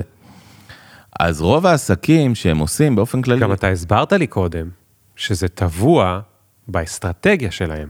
זאת אומרת, האסטרטגיה שלהם זה לא למכור נפט כי כבר אין, או אין הרבה, לא משנה אם אין או אין הרבה, האסטרטגיה שלהם זה לפתח את האזור ואת השירותים ומזה לעשות את הכסף. נכון מאוד, בוא תשקיע במשחק, בוא תהיה שחקן במשחק. במילים אחרות, גסות הם לא רוצים סטוץ אה, ללילה, זה לא מעניין אותם. הם גם לא להוטים על הכסף, זאת אומרת, גם אם הסטוץ יכול להיות שווה להם כסף באיזשהו מקום, הם לא להוטים על זה. כן. אם אתה רוצה דובאי, תבוא תהיה חלק מדובאי, תבוא תהיה חלק מזה, תרגיש איך זה, תחיה, הם יודעים לקבל אותך, אה, דובאי זה המקום היחיד שבו כל בן אדם יכול להרגיש בבית. יכול להרגיש בבית כי, כי, כי זה לא בית של אף אחד. זאת אומרת, זה בית, אוקיי, של אותם 400 אלף אמירתי, אבל חוץ מזה כולם כמוך. קצת כמו שאנשים לפעמים בניו יורק מרגישים. אבל, אבל אפילו אקסטרה. כי באמת מדובר על בליל של שפות ועובדים ואנשים, בסוף בניו יורק רוב העובדים, במקדונלדס הם אמריקאים. כן. בדובאי לא. דובאי אין מקומי, אין כזה דבר מקומי, זאת אומרת, חוץ מהמקומיים, שהם מקומיים ומעטים מאוד, באופן קיצוני, עשרה אחוז, אין כזה דבר, אתה מקומי, כמו שהפקיסטני מקומי, כמו שהאיטלקי מקומי, כמו שהאמריקאי, כמו שהאוסטרלי מקומי שם. עכשיו, הם רוצים, אם אתה רוצה, תבוא תהיה חלק מהמשחק. הם ידעו לתת לך ביטוח בריאות מצוין, הם ידעו לתת לך חינוך מדהים, הם ידעו לתת לך שכונות, באמת וילות מטורפות שמקיפות את דובאי ונבנות כל הזמן, ש, שווילה של ארבעה חדרים יכולה לעלות לך שם מיליון נקודה שתיים שקל בערך, מיליון וחצי, נדבר על וילות שעיצב אותם קוואלי וורסאצ'ה. מדהימות, יפות, מיוחדות, בשבילם זה כלום, כי הם גרים ב, ב, באמת בארמון. לא, ענקיים. אגב, משפחתיים ברוב המקרים, זאת אומרת, כמשפחה גרעינית גדולה, אבל זה סיפור אחר. אה, האמירתים גם לא גרים באזורים האלה, הם גרים בשכונות ספציפיות של אמירתים, אתה כמובן גם יכול לגור בהם, אבל זה, זה השכונות הישנות יותר של דובאי, על פי רוב, וגם השייח גר באזורים היותר ישנים. אז דובאי מוכנה שתבוא ותיקח חלק, אבל היא לא רוצה שתבוא, תעקוץ ותלך. והשופוני הזה שלנו, של הישראלים, גם, ואני לא מדבר רק על אנשים, על אנשים שמוכרים סחורה טובה. חברות סייבר ברמה, חברות טכנולוגיה, מדטק, אגרוטק, פינטק, מה שאתה רוצה, שהגיעו לדובאי והציעו מוצרים טובים, שאולי המוצרים האלה בגרמניה היו, היו נמכרים מצוין, בדובאי באופן גורף, ככלל אצבע, אבל, אבל תופס ונכון, קשה להם יותר להימכר, לוקח יותר זמן, לוקח יותר זמן למסד את היחסים, והם רוצים קצת יותר סימנים בשביל באמת לראות שאתה רוצה, מה שנקרא, להיות חבר שלהם. החריגים היחידים זה טכנולוגיה צבאית, שזה תחום שאני אישית לא עוסק בו, אבל מי שמגיעים טכנולוגיה צבאית, ואם אמירתים באמת צריכים אותה, אז הם יקנו, כי הם בסך הכל בונים את עצמם, בעיקר כצבא הגנה, צבא הגנה לדובאי, כן. צה"ל שלהם, אבל אה, הם בונים אותם כ... אז הם כן מתעניינים בזה, וטכנולוגיות נדירות, שכאילו הם לא יכולים להגיד לא. כן. זאת אומרת, אה, בשיא הקורונה, אם מישהו בא והציע להם חיסון לקורונה, אז הם קנו. כן. אבל אם זה משהו שהוא לא must have, הוא nice to have, או שהוא קצת שיפור to have, או לא משנה אז מה. אז רגע, אז במקרה שלך, אתה עדיין גר ויש לך משפחה בישראל? נכון, אבל יש לי שותפים מקומיים. מקומיים מקומיים? כן, כן, אמירתים מקומיים. אמירתים גם? לא רק מקומיים, אתה אומר מקומיים אמירתים. כן, הפריצת דרך שלי הייתה ברגע שפחות או יותר, אה, בוא נגיד שבטיול, הראש, בטיול, בנסיעה הראשונה שהייתה בדצמבר 2020, אה, פגשתי, זאת אומרת, הייתי ברחוב, אבל פגשתי פיזית אמירתי אחד. אתם יודעים, גלביה עם הכאפיה, אגב, בדובאי זה לא נקרא לא גלביה ולא כאפיה, בכלל בעולם המפרץ, זה נקרא גנדורה ו... וחוטרה, גוטרה, אה, אבל אף אחד תגיד גלביה, אף אחד לא מבין מה אתה רוצה, גם תגיד נרגילה, אף אחד לא מבין מה אתה רוצה. אה, אבל אה, אז נפגשתי פעם אחת עם אמירתי, שאגב חבר שלי טוב עד היום, אחד מבעלי חבר, חברת הבנייה, השנייה הכי גדולה בדובאי, דמק, וזה בקשר לכמה עסקי נדל"ן שאני עוסק בהם שם. בטיול השני, אותו, אותו מוחמד, מוחמד קוקרי, הבחור מדמק, הכיר לי כבר חברים שלו, אני שמרנו על חברות, הכיר לי חברים שלו, שנהיו חברים עוד יותר טובים שלי, אה, ומשם המעגל הלך והתרחב, אבל העבודה עם האמירתים היא, היא באמת, היא, סליחה הקלישאה, אבל באמת כמו סקס עם קיפודים, בין קיפודים, היא צריכה להיעשות מאוד בזהירות, מאוד בכבוד הדדי, אה, לשים לב, לשים לב לא להיתפס אצלם בשום שלב, לא עניינית, ובאמת גם לא להיות כזה, וגם לא מיתוגית, כמי שבא לחמוס להם את הכסף. אתה בא לעשות איתם עסקים ולהניב כסף בשבילך ובשבילם, תפאדל, הם ישמחו. אתה בא בשביל שהם ישקיעו בך, לעשות סיבוב. הם גם, הם, הם מאוד לא אוהבים את, ה, את המחפשי משקיע. אז שוב, יגידו, יש אנשים שגייסו בדובאי, מעטים, מעטים מאוד.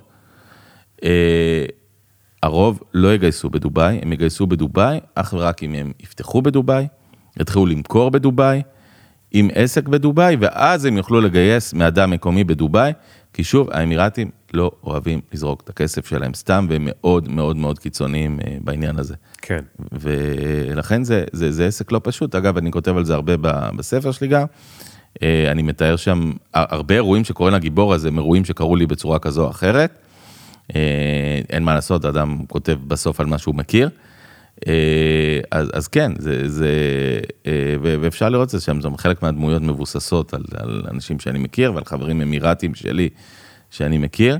ואני אומר, הם טובי לב, הם יעזרו לך, הם ייקחו אותך, הם יערכו אותך, הם ישלמו בנוסרת, מה שאתה רוצה. מה, מה חסר לך שם? אה, אם רק. אם רק העסקים שלך היו שם, מה היה חסר לך? שאתה רגיל כישראלי לקבל? מה חסר לי בדובאי? כן. המשפחה העברית, הישראליות. לא, אני מתכוון כאיש עסקים. זאת אומרת, נגיד שהעסקים שלך היו רק בדובאי. אוקיי. אז מהו משהו שאנחנו מתייחסים אליו כישראלים כ-obvious, ושם הוא לא נמצא? המהירות, המהירות. מהירות, מהירות. האמירתים, כמו שאמרתי, אה, אנחנו, אולי בגלל אורח חיים שלנו, אני גם באתי מעולם של דוברות, של עיתונות, שהוא עולם מאוד אינסטנט. כזה דבר בדובר, טוב, אני אענה לך מחר, אני אענה לך מחרתיים, בעיקר היום בעידן האינטרנט, כן. ואין דברים כאלה. אה, האמירתים לוקחים את הזמן. אז איך אתה הצלחת לפתח סבלנות אם באמת הגעת מהמקום הכי... אה, בהתחלה זה היה לי מאוד קשה. בהתחלה אה, עשית טעויות? עשיתי מלא טעויות. ספר הייתי על חוזר, משהו. אה, הייתי חוזר מדובאי, ו... ומנסה מהר מאוד לדחוף דברים, ולפעמים דוחף חזק מדי. כאילו מה, מנדנד להם? אה, מנדנד, מתקשר, מנסה לקדם, מנסה להזיז, ו... ולא הבנתי שהם רוצים אותך בדובאי. הם לא רוצים אותך בזום, הם יעלו, הם יעלו לזום, ואין בעיה, וידברו זום וזה, הם רוצים אותך בדובאי, וגם הסחורה הראשונה שניסיתי למכור, במרכאות, הסחורה שלי, קידמתי לאנשים אחרים, היא, היא לחפש השקעות. כי גם לי היה, היה נראה מאוד מאוד נכון, שעם הטכנולוגיה הישראלית והמשקיע האמירתי, אנחנו יכולים לעשות דברים מאוד יפים. כן. אה, שירתתי בצה"ל, ביחידת הפיתוח, אה, במפת, יחידת הפיתוח של מערכת הביטחון. ושם, ברגע שמערכת הביטחון הישראלית, אה, היה לנו רעיון מצוין ולא מצאנו אה, כסף, אז למשל הסינגפורים שמחו לתרום. אה, בחלק מהפרויקטים הגדולים של צה"ל, בלי להזכיר עכשיו שמות, הסינגפורים היו ארנק ואנחנו היינו הראש. אה, הרעיון שאתה תלך למקום שיש בו משקיעים ומחפשים טכנולוגיות ותשדך אותם עם סטארט-אפים ישראלים או עם אה, אפילו דברים מעבר לסטארט-אפים, הוא היה נשמע לי מאוד מאוד הגיוני, ולא רק לי. אה, ואני אומר גם בצער, הוא לא הגיוני, הוא פחות הגיוני ממה שאנחנו חושבים, נכון, יש שם קרנות הון סיכון, כן, יהיו אנשים שיגייסו, אבל בגדול, האמירתים, כמו שאמרתי, ואני חוזר ואומר לא פעם ראשונה בפודקאסט הזה, לא רצים להשקיע מכספם, הם מוכנים לשתף פעולה, הם מוכנים לשלב זרועות, הם מוכנים לפתוח משהו ביחד, הם לא רצים לתת לך חמישה מיליון דולר בשביל איזה סבב סיד שלך או לא יודע מה, הם לא מתים על זה, הם לא אוהבים את זה, הם גם מעדיפים השקעה יותר סולידית כמו נדל"ן, מה שעובד להם לא רע בכל העולם. איפה עושים את העסקים איתם? פיזית, כן, לא יודע, יש כל מיני סיפורים על עסקים ב... שקורים במסעדה, או ב... אני לא יודע. כן, כן, אז אה, קודם כל, אה, ספר לנו איזה משהו עסיסי. עד שאתה נפגש בבית של אמירתי זה לוקח הרבה מאוד זמן. הבתים שלהם אה, מאוד מאוד סגורים בפני אנשים. זה כן קורה, וקרה לנו כמובן, והוזמנו, אבל זה, זה קורה מעט. בעיקרון בשלב הראשון זה או במשרדים, או במלונות. אה, צריך לזכור משהו, נפתח סוגריים, שהמלונות בדובאי, בישראל הרי ברוב המלונות אין מסעדות טובות ואין לאוניו כי הכל כשר, זאת אומרת, המסעדות הטובות והיוקרתיות בישראל יהיו מחוץ למלונות, כמעט תמיד. כן. בדובאי המ- המסעדות כמעט הכי טובות לרוב הן במלונות מסיבות היסטוריות, כי למלונות היה אישור, אישור למכור אלכוהול. אז אה, אה, אה, עד היום, שזה כבר ממש לא רק מלונות, המסעדות הכי טובות, למשל נוסרת נמצא ב-Four Seasons וכולי, אז המסעדות הטובות הן באמת במלונות, הרבה לאונג'ים טובים, לכן קודם כל הרבה נפגשים, ואגב, גם בתוך קניונים, שזה מדהים. לכן קודם כל נפגשים במסעדות, בלאונג'ים, בלובעים של בתי מלון, זה בשלב הראשון, או במשרדים, אין, אין בזה איזה דרמה מיוחדת. כן, אתה צריך להבין את השלב, והיה לי סיפור עם איזשהו אה, איש שקישרתי ולא הבין, אם תרצה מילה וחצי על זה, אז שהם כן מבדילים בין הארוחה לבין עשיית העסקים, הם לא אוהבים לעשות עסקים בארוחה. הם אוהבים לשבת איתך על ארוחה, אה, ליהנות, לדבר, לצחוק, לדבר על העולם, לדבר על כדורגל, לדבר על ספורט, לדבר על שישה, לדבר על מה שאתה רוצה. הם משתדלים שלא לערבב עסקים ואוכל. אה, למרות ששוב. אתה תשב איתם המון, ואני כן יכול להגיד שהבאתי איזשהו איש עסקים ישראלי. הם בכיר. עצמם שותים אלכוהול? חלקם כן, חלקם לא. זאת אומרת, אה, הם מנסים להשקות אותך כמו היפנים? לא, לא, לא, כי הם בעצמם לא שותים, אבל אני, אין לי, אין לי גבולות שתייה, זאת אומרת, אני לא, אבל אני אה, שואל, אני אגיד לך מאיפה הגיעה המחשבה, שאתה יודע, אחרי שאני אוכל ושותה, עכשיו אני רוצה לנמנם, לא לעשות עסקים. בסדר, כבר גמור. הם לא לוקחים אותך מיידית אה, למשרד אחרי הארוחה, הפגישה תיקבע ביום אחר או ביומיים אחרי. אה, אז עשית את האוכל והתקרבת ואפילו לא באותו יום עושים את והיה לי סיפור של הבאה. איש עסקים ישראלי בכיר ומוביל, והוא איש נחמד וטוב ומקצועי, שהגיע לארוחה והתעקש בארוחה לפתוח את, ה, את הביזנס שלו. עכשיו, זו גם לא הייתה ארוחה רק מול אותו כאילו משקיע, אלא זה היה עם בן דוד שלו ועם המשקיע ועם חבר של הבן דוד ועם משפחה ועם זה, זאת אומרת, הם מאוד אוהבים להביא הרבה אנשים ושתהיה ארוחה נעימה וגדולה ולפתוח שולחן, מסעדה פרסית במקרה זה היה באמת, אה, פרסית אמיתית של, כן. של איראנים שגולים שהגיעו לדובאי, אה, מאוד אוהבים את ישראל אגב, באמת. אה, והוא פשוט התעקש לדבר עסקים והצד השני, אני ראיתי את אותו חבר שלי, שהיה בעבר מנהל של, אה, בעצם כמו, אצל המערבים, ראש מטה של אה, נסיך הכתר, מנהל, שם הם קוראים לזה HH Office, his, Highness Office, כאילו כל שייח בכיר יש לו אופיס. כן. אז הוא היה מנהל האופיס של אותו שייח, אה, הוא ממש היה נבוך. ולקח הרבה מאוד זמן ועוד שתיים, שלוש פגישות, אה, לא על עסקים ביניהם, בשביל שהם הסכימו לעבור לדון בעסקים. Hmm. עכשיו, זה לא רשמי, ואף אחד לא יגיד לך את זה, לא יגידו לך בוא, לא מדברים על עסקים, הם לא יגידו לך את הדברים האלה. אבל הם לא אוהבים שאתה ניגש מיד לעניין. הם כן מעריכים את ה- את הפורפליי, והם גם מעריכים את הפורפליי שיהיה ב... ב... איך נקרא לזה? ב... אה, בתום לב, מה שקוראים במשפט, זאת אומרת, תיגש לפורפליי בתום לב, שב איתם לארוחה בכיף, תהנה, תספר על עצמך, הם יספרו על עצמם, תדברו על דבר, איפה למדת, איפה אתה למדת, הכל יופי, ועזוב את העסקים לרגע. כן. מחר תעשה עסקים, מחרתיים, עוד שבוע, תבוא שוב.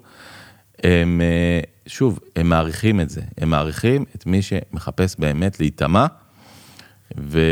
והם לא מחפשים, אמרתי שוב, הם לא רוצים לבנות אמון. כן, כן, ממש. רוצים לבנות אמון ממש כמו פעם. כן, ו- ושוב, ולא בוער להם, שאלת אותי על אמירות, אז לא בוער להם, הם לא רצים לעסקה, הם לא, אה, אמירתי ממוצע יכול בקיץ להגיד לך, נסעתי ללונדון, ואז הוא, והוא חבר, חבר שלי, חבר שאנחנו, ברכות ליום הולדת ומה שאתה רוצה, והוא לא, הוא לא עונה לי לוואטסאפ, אני אומר לך, איפה היית? הייתי בלונדון, מה, בלונדון הוואטסאפ לא פועל? פועל. אבל הוא בלונדון, הוא לא בלונדון בשביל אה, להתכתב, הוא בלונדון בשביל ליהנות מהחיים שלו. כן. וזה קורה הרבה, וזה קורה להרבה אנשים, ואני שומע את זה מהרבה אנשים, שאתה יודע, איש עסקים ישראלי, או שוב דיברנו על היורשים, איזה משפחת רוי, הם כל הזמן עם הטלפון ועם כן. הוואטסאפ, הרי כל העסקים שלהם אמריקאים- קורים באירועים. באירועים, ביורשים, במטוסים. בחתונה, בלוויה, בהכל, כן. האיר- ה- העסקים קורים באירוע. לא רק זה, אין, אין אצלם, גם כשהם ישבו על היאכטה המשפחתית, כאילו, נדמה לי בעונה השלישית, הם אה, שם, כן. אין, עם הטלפונים, הפלאפונים, אצלם לא. האמירתים יודעים להתנתק, יודעים לשבת, אני אומר, אתה יכול לראות אותם בלאונג'ים היקרים של השישות, שהם לאונג'ים מדהימים, יש לאונג' טורקי בשם הוקה, שיושב בקומה השלישית של הבורג', בעצם כניסה מפשן מול ומשקיף על המזרקות בצורה מדהימה, אה, והוא לאונג' באמת כיף ואוכל מדהים, ויושבים שם קבוצות של או נשים או גברים או ביחד, עם הגלביות והלבוש המסורתי, יושבים, מעשנים שישה, רואים סדרה בנטפליקס. עכשיו, האנשים האלה זה היו"רים והמנהלים והמנכ"לים של, של החברות הכי גדולות, ב, ב, לא יודע אם בעולם, בוודאי בדובאי. וזה לא מזיז להם. והם יושבים בשקט, והעולם אה, ממשיך להסתובב, והכל בסדר, והכל קורה, והם מסיימים, ואז הם עושים מה שהם צריכים. זה משהו שמאוד מאוד קשה לישראלי להבין. החבר'ה הצעירים שם, הם אותו דבר כמו המבוגרים, או שרואים איזשהו פער דורות? בדור הזה, תראה, אנחנו מדברים היום פחות או יותר על הדור השלישי או הרביעי בדובאי מאז היווסדה, או באמירויות. אה, הם עדיין קוראים בשמות מסורתיים, הם, אה, כמו שאמרתי, הם גדלים בחינוך, באמת בבתי ספר אה, מדהימים. הם, הם כן, שוב, לומדים אחרי זה באוניברסיטאות הכי טובות. אני לא מתרשם, וזו שאלה טובה שהם יצטרכו לברר לעצמם, שהם, שהם רצים להיות יזמים, החבר'ה האלה. אה, שוב, דיברנו על יורשים, אז אתה רואה את זה טוב, הבחור השוודי שמקיימים איתו משא ומתן, מצון, שהוא דור ראשון. כן. לכסף, הוא יזם הייטק, והוא כן. מהיר וזריז ורוצה לעשות וזה, ובאים החבר'ה האלה של כסף ישן. הם גדלו, הם, הם, הם, הוא אומר לה, אני אעשה אתכם מאוד עשירים, הוא אומר, אנחנו כבר עשירים. הם לא מתרגשים. אה, אני לא יודע אם זה יפגע בדובאי בשלב הרחוק, הם כן בונים איזושהי אקוסיסטם שכן מאפשר לחבר'ה האלה להתפרנס מאוד בקלות, גם בלי ליזום איזה דברים גדולים. אה, אבל עובדתית, דובאי עדיין לא, לא מגיעה להיות מעצמת ההייטק שהיא צריכה להיות. אה, היום אתה אומר, אין שום סיבה שחברת הייטק שרוצה לפתוח, למה שתיסע לפאלו אלטו, לעמק הסיליקון, מרחק 15 שעות טיסה מישראל. ולא תיסע שעתיים וחצי לדובאי ותקבל שם אה, איזושהי מערכת שלא פחות בנויה טוב לקלוט אותה. אה, אבל שוב, הם לא, הם לא רצים, הם לא רצים אחרי היוזמות ההייטקיות המוגזמות, אה, וזה משהו שהם יצטרכו לברר לעצמם, זאת אומרת, זה כן נמצא בתוכניות האב של השייח, של המדינה, בהחלט מכריזים על הדברים האלה, בונים הייטק ובונים דברים. נצטרך לראות איך זה, איך זה בפועל יקרה, אם הם יצליחו באמת להפוך להיות עם של יזמים. אה, מהבחינה הבירוקרטית, כמה זה קשה להקים שם עסק? לא, אז זהו, כמו שאמרתי, דובאי ערוכה לקלוט אותך בצורה הכי פשוטה בעולם. Mm. קל להקים עסק, קל לפתוח חשבון, קל אה, להיות uh, תושב. תושב מקבל זכויות מלאות בעצם כמו אזרח כמעט לגמרי, חוץ מהבונוסים הגדולים מקבלים מהמדינה. היום אם אתה קונה דירה במיליון דירם בדובאי, אתה מקבל אוטומטית ויזה מתחדשת לשלוש שנים. כל שלוש שנים מתחדשת, זאת אומרת אין שום בעיה, אתה פשוט צריך לחדש אותה. כן. אה, ויזה תושב כמובן, יש להם כבר עוד מסלולים היום של גולד ויזה ועוד כל מיני דברים. אה, זה קל, כי היא מדינה, אתה, אתה יודע, בישראל, להיות תושב זה מסובך, אנחנו לא בנויים לזה. כן. לאזרחות בכלל זה מסובך, כן. כי יהודים וכולי. בדובאי אזרחות לא, זה נורא קל, אזרחות לא תקבל בחיים. ואולי באמת, באיזה מקרה מאוד נדיר של אנשים שהתחתנו והרבה שנים ולא יודע מה, וגם לא תמיד. ותושבות תקבל מאוד בקלות, ומרגע שאתה מקבל את התושבות, תושבות תקבל כמעט כמו סל, סל קליטה ב, ש, שיהודי מגיע לנתב"ג ומקבל, תקבל בקלות. מרגע שקיבלת את זה, אתה מחויב לחוקים מאוד מאוד ברורים, סדר ציבורי, לא תקיים אותם, לא תעמוד בהם, תיתפס פעם אחת, אין אצלם strike 2, strike 3, זה לא מעניין אותם. אתה צריך להיות מספיק זמן בדובאי כל שנה כדי לשמור על הוויזה? לי אין ויזה. אני לא תושב. אה, אפילו אין לך שם תושבות. לא, לא. אוקיי. לא, אין לי, אין צורך, אין צורך, אני איש עסקים, אני לא איש עסקים אמירתי. אבל החברה שלך? החברה שלי. יש לך חברה שהיא שם? עם אמירתי, כן, שותפות עם אמירתים. אז אני לא צריך uh, תושבות ולא שום דבר, יכול להיות שאני כן אעשה. אבל אני... אם היא לא הייתה בשותפות, אם אתה היית רוצה להקים שם חברה, היית חייב תושבות? לא. אה, אוקיי, אתה יכול גם לפתוח שם חברה כמו שאפשר לפתוח כן, ב... דובאי בנויה מפרי זונס, מ-30 ומשהו פרי זונס, שבכל פרי זון אפשר לפתוח חברות ספציפיות. ממש אזור לרופאים, אזור ליועצים כל... כלכליים, אזור לאינטרנט, אזור למלא מלא דברים. והאזורים האלה הם נקראים פרי זון, שהפרי זון הכי יקר זה ה-DIFC, זה ה-Financial, זה האזור שמקיף בעצם את הבורג' פחות או יותר, נמצא ממזרח לבורג', מזרח, צפון מזרח לבורג' בעצם. אז לא, דובאי באמת בנויה אה, עם המון המון חברות אה, שיודעות להסדיר את הדברים האלה גם ולסדר, ויש איזשהו תשלום, להקים חברה בדובאי יכול לעלות 5,000, 8,000 דולר, אה, אבל אתה מקים וזהו, וגם מסדרים לך ופותחים את החשבון. הם פתוחים מאוד להשקעות זרות, אז גם, גם להשקיע בדירה. בדובאי זה מאוד מאוד פשוט, אה, וכל הכללים, אין שם בתי דין של שריעה, זה לא רלוונטי בכלל, כל הכללים לפי בתי דין לזרים, שעובדים פחות או יותר על פי הקודקס הבריטי. אה, מי ששואל חוקי ירושה על פי הצוואה שלך, לא על פי חוקי הירושה האסלאמיים. אה, הכל שם באמת מאוד מסודר, כי האמירתים לא מתביישים, אומרים, אנחנו רוצים את ההשקעה שלך בדובאי. כן. ואגב, וזה בדיוק מתחבר, אם נסגור את המעגל, דובאי לא רוצה להשקיע בך, היא רוצה שאתה תשקיע בה. יפה. טוב, תשמע, למדתי המון. למדתי המון. אנחנו מדברים שעה ורבע, אתה לא שמת לב. אה, אמרנו שיהיה פרסים. נכון.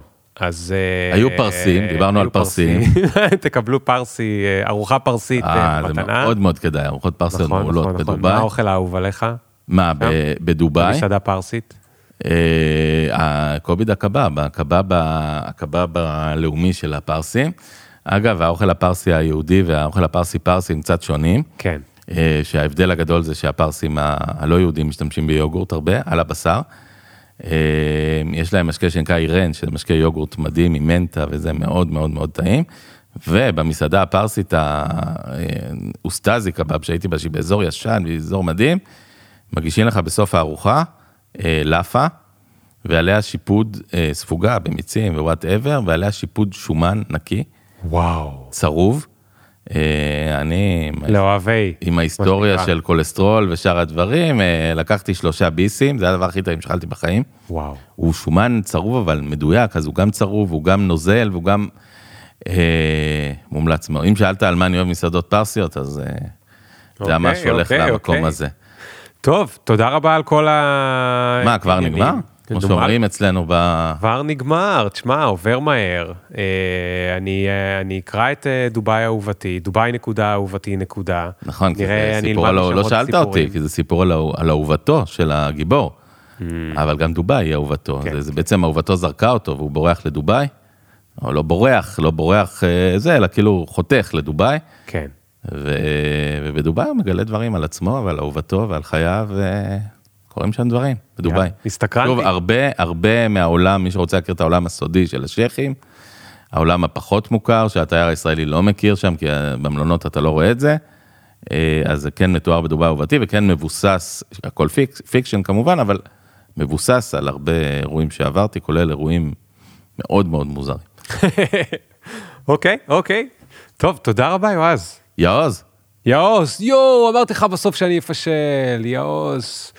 תשמע, זה שם מיוחד, אין מה לעשות. אין מה אני לעשות. צריך לקרוא אותו באנגלית כל זה לא אני בחרתי. אני קיבלתי את השם הזה היום לפני 44 שנה ויום. נכון, הייתה לך נכון. יום הולדת אתמול. נכון, מזל טוב. אבל זה לא ישודר אה, זה, נכון? מה זה חשוב? לא, שידעו.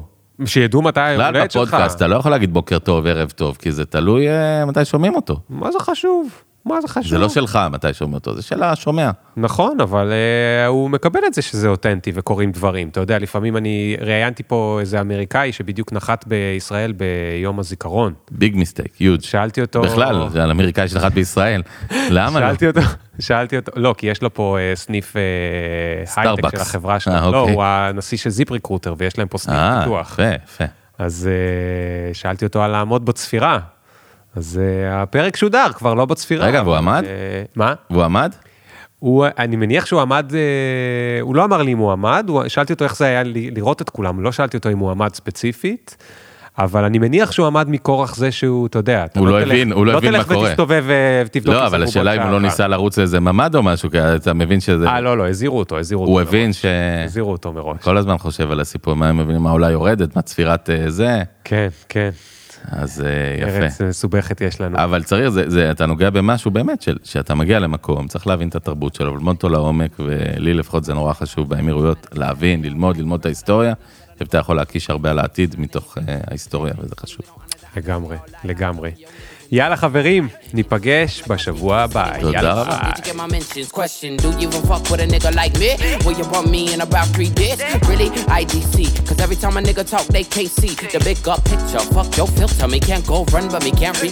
ביי.